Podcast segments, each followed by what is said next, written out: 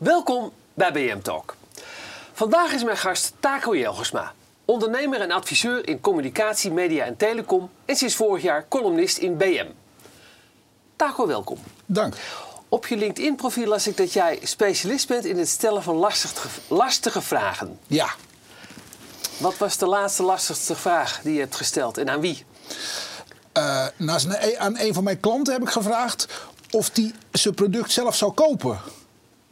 Want er, en toen zat hij daar na te denken. Toen zei hij: Ja, we moeten hier inderdaad nog eens, eigenlijk nog eens een keer naar kijken.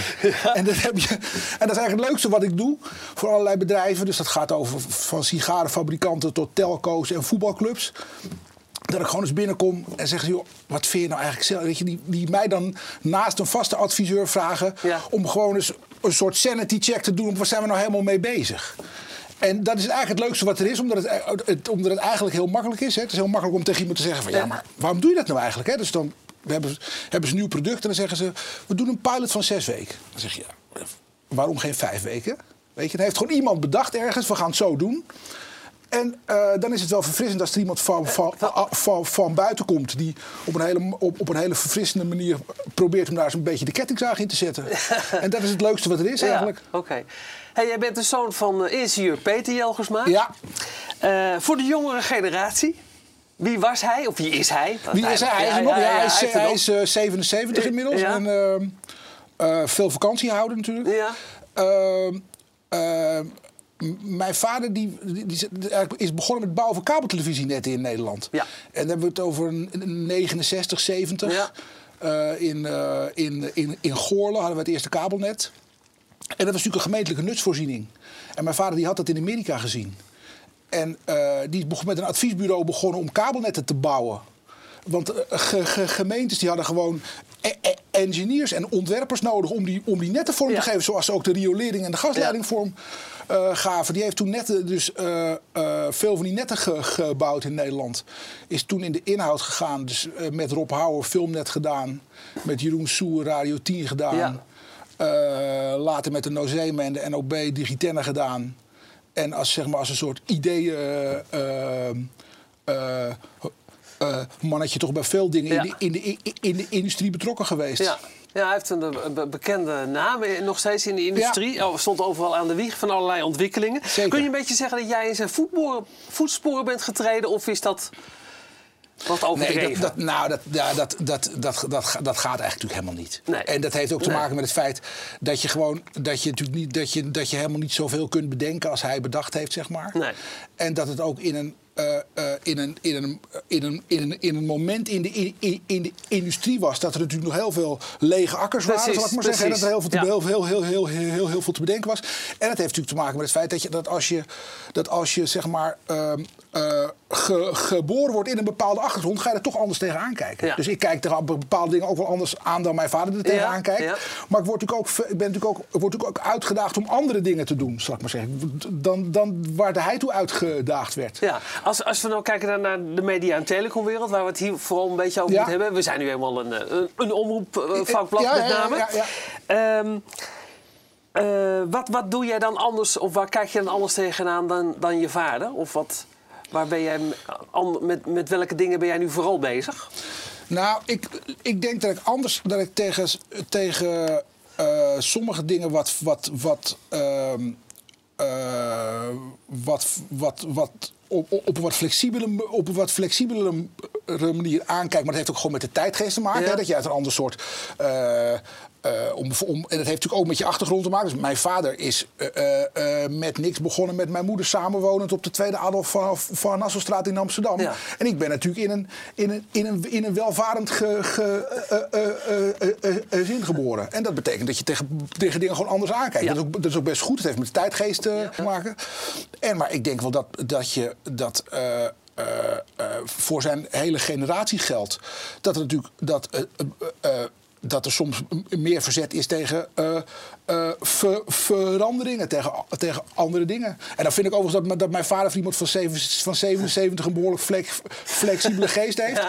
Maar dat, je, je- dat, dat zit wel anders in elkaar. Gewoon. Ja. Hey, en als we nu kijken naar bijvoorbeeld de distributie en marketing, telecommunicatievraagstukken, daar, daar, daar, daar zit jij dat- heel erg in. daar zit ik heel erg Daar in, zit ja. jij heel erg in.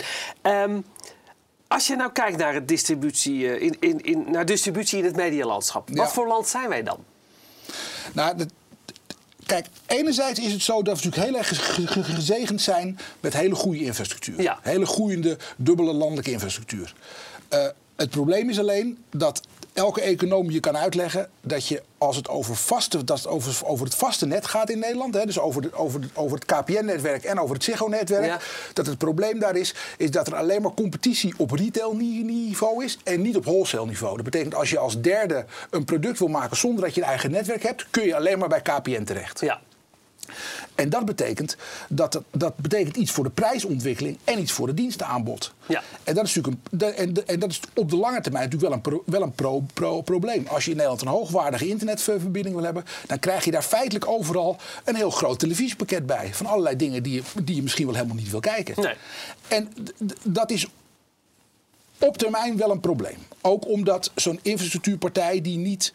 Eh, eh, die geen wholesale partijen op zijn netwerk heeft en heel dominant is, zoals bijvoorbeeld Ziggo, natuurlijk op termijn minder uitgedaagd zal worden om te blijven investeren in, in, in, in, in, in, zo'n netwerk. Ja. Dus we moeten heel erg oppassen dat die voorsprong die we hebben, dat die, niet, dat die ons niet gaat afremmen. Oké. Omdat partijen te, te machtig worden. In, in mobiel is het bijvoorbeeld wel fantastisch gegaan. Daarom zie je dat in mo- mobiel de prijzen ook jaar op jaar zakken. Hè. Als je dus kijkt naar de kleinste informatie-eenheid, één bitje, dan kun je. Als het in mobiel gaat nu, voor minder geld dan ooit met een hogere snelheid dan ooit een bitje versturen in mo- mobiel. En als je in vaste infrastructuur kijkt, dan zie je die prijzen eigenlijk alleen maar stijgen. ja. En jij, maar jij wilde wat dan doen, hè? Gaan we eventjes eh, op. Ja, ja, jij wil, nou, ja, daar ben je al jaren mee bezig. Ja, nou, Met de dat- open mijn, zeg mijn maar. vader is daarmee begonnen. mijn vader is daar is zeg maar een jaar of 15 geleden met Harry Kramer samen, dus Ja. de, de oud-directeur media, letteren en bibliotheken, is begonnen om te zeggen, ook voor mijn vader was, is, is het ook een soort sluitstuk van die hele kabelontwikkeling. Ja, hè? precies. Dus luister, er moet ook competitie op die kabel komen. Ja. Er moet niet alleen, dus, je moet niet alleen infrastructuurconcurrentie hebben, maar je moet ook dienstencompetitie op die kabel hebben. Ehm, eh, daar is eindeloos voor gelobbyd en gedaan om dat open te krijgen. Er zijn een aantal keren door de autoriteit eh Consument en Markt en de haar voorloper de Opta besluiten genomen om het open te doen. Iedere keer is men door de rechter teruggefloten. Ja. Het is nu opengemaakt. Het is nu feitelijk ook open. En 18 februari gaan wij horen van het CBB. eh, dat is dus het hoogste administratieve recht, rechtscollege in Nederland. Hè, of die kabel inderdaad open blijft of niet. Ja. En eh, ik denk dat dat niet alleen, voor, niet alleen voor de infrastructuur, maar ook voor programmaaanbieders en dat soort partijen toch wel heel veel te- teweeg kan brengen. In het gunstigste geval. Wat betekent, wat betekent dat voor jou en voor mij? Eh, dat betekent in het gunstigste geval voor jou en voor, voor, voor, voor mij dat je, dat je straks overal in Nederland keuze hebt uit meerdere, uit meerdere snelheidsprofielen goed vast internet. Ja. Met en zonder televisie. En als je daar televisie bij neemt, dat je dan zelf een keuze hebt uit een aanbieder. En ook dat pakket veel beter kunt, kunt samenstellen. Want zowel voor Jij hebt er al over nagedacht. Wat Ik voor, heb daarover nagedacht. wat voor pakket gaat. Want Yuka is dan de naam, hè? Wat het Ja, wordt? Yuka, ja, even, even, de, even de, de, Ja, dat- daar houden we er even in. ja. Stel, ik ga bij Yuka, ik word klant van Yuka. Wat betaal ik dan en wat krijg ik dan? Nou, dan krijg je, als het, als het aan mij ligt, Ja. krijg je... En, en, en door allerlei Nee, kan het niet, als, je, als het aan mij ligt, krijg je eh, eh, 150 mbit internet. Ja. Met een, daarbij ook nog een behoorlijke up- up- uploadsnelheid. Ja. Een symmetrische verbinding heb je gewoon niet nodig thuis. Eh, en met 150 mbit die het altijd echt doet. Ja. eh, kunnen al je kinderen de hele dag Xboxen, Playstation en kan jij ook nog 4K televisie kijken. En daarbij een skinny bundle televisie. En dan heb je, met een skinny en- bundle bedoel ik, zeg maar even, tien zenders. nou, het, Of- het, het, het NLZ-aanbod en misschien een beetje eh, minder zelfs nog. Want zelfs wel daar, daar En wat, ook- ben ik, en wat ga ik jou betalen? Nou, wat mij betreft minder dan 40 euro in de maand. Oké. Nou ja, dat wordt, dat wordt spannend dus. En dat Als kan het- ook gewoon hoor. Ja. En, dat kan je, en, dat, en, en, en, en als je de, als je de EBITDA's van eh, eh, partijen als Ziggo bekijkt... dan kun je ook zien dat dat gewoon kan. Ja.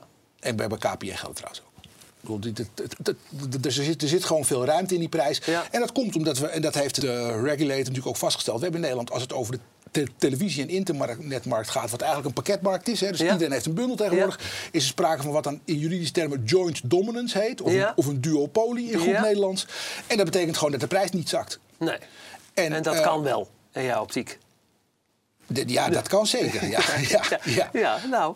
We gaan, we gaan, in mobiel zie je het. dat Ja, ja. Als er maar genoeg aanbieders zijn, meer open netwerken met meer aanbieders. Hey, dus, dus er zijn een aantal dingen niet goed gegaan of kunnen beter. Is, is, zijn wij op zich.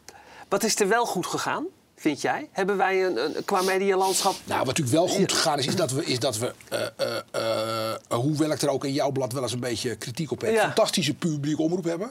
Hè? eh, eh, eh, slecht, slecht georganiseerd, maakt te veel entertainment, maar wel van een hele hoge kwaliteit, met hele hoge waardering. We hebben daar natuurlijk tegenaan staan fantastische commerciële omroepen ook. Hè? Ja. Dat mogen we echt niet vergeten. Ik bedoel, dat is, is een fantastisch landschap.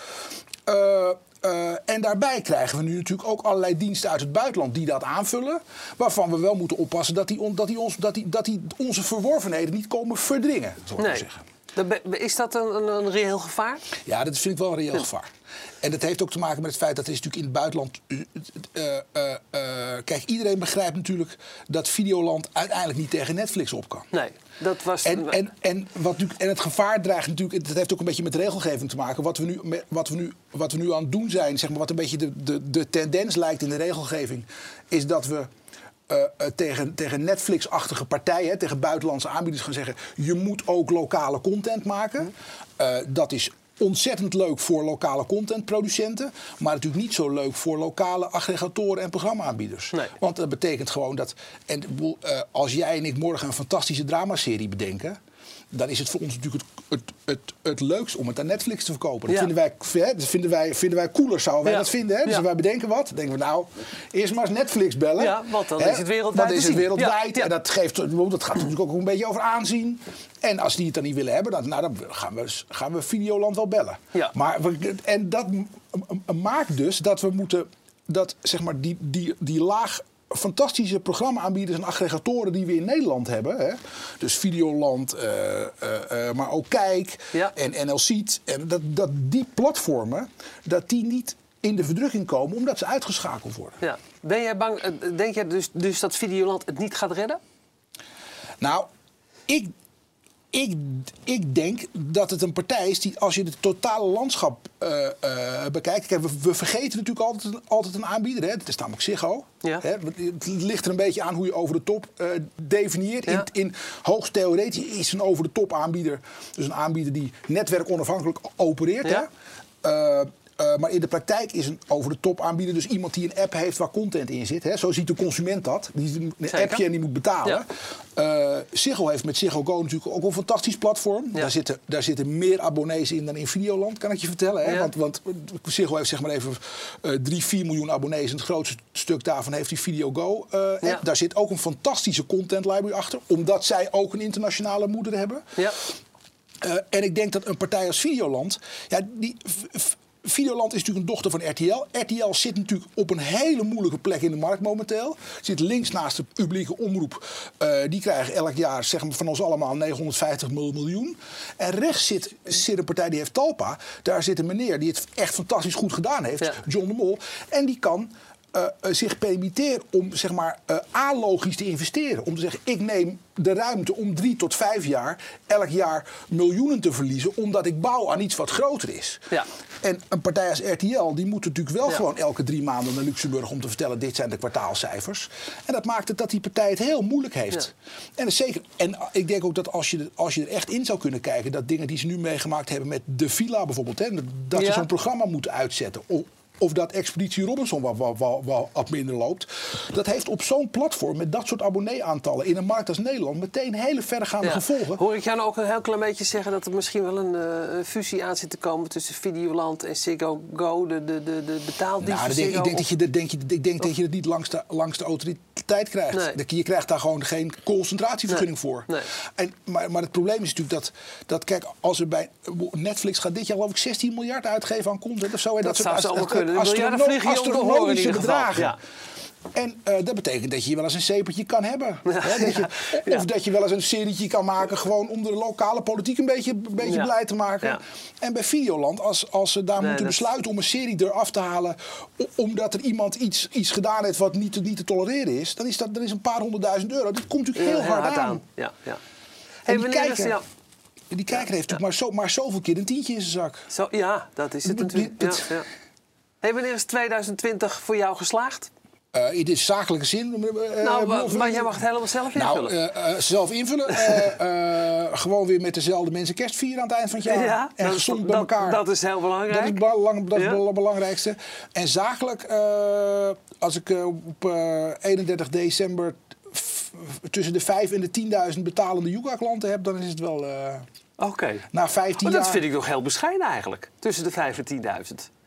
ja, maar dat Betalende. Ja, betalende. betalende. Ja. Nee, maar ook. Nee, maar je moet ook niet vergeten. Heb je wel eens. ge- eh, eh, eh, je moet dus uitrekenen. Hè, dat moet iedereen die zit te kijken maar doen. Als je, als je 100.000 klanten moet verzamelen. Hoeveel je er dan in een jaar tijd elke werkdag aan moet sluiten? Ja, en dan moet een, moet een mannetje naartoe. ja, moet een. Het Ja, je hebt natuurlijk ook een heel serviceapparaat Ja, erachter ja, dus, nodig. ja, dus die het, moet je... het, het aansluiten van een nieuwe klant kost gewoon 200 euro. Hè? Dat, dat, Dus dat vergeet ik Dan even. moet, een, moet iemand, een, iemand moet een internet, die moet besluiten jouw product te willen. Dan moet je een modem naartoe sturen, Ja, dan moet een monteur naartoe. ik snap dus het. als je, daar, als je er daar 5 of 10.000 van, van aansluit, nog dit jaar. Ja. Nou, vind ik Dan ben je heel eh, blij.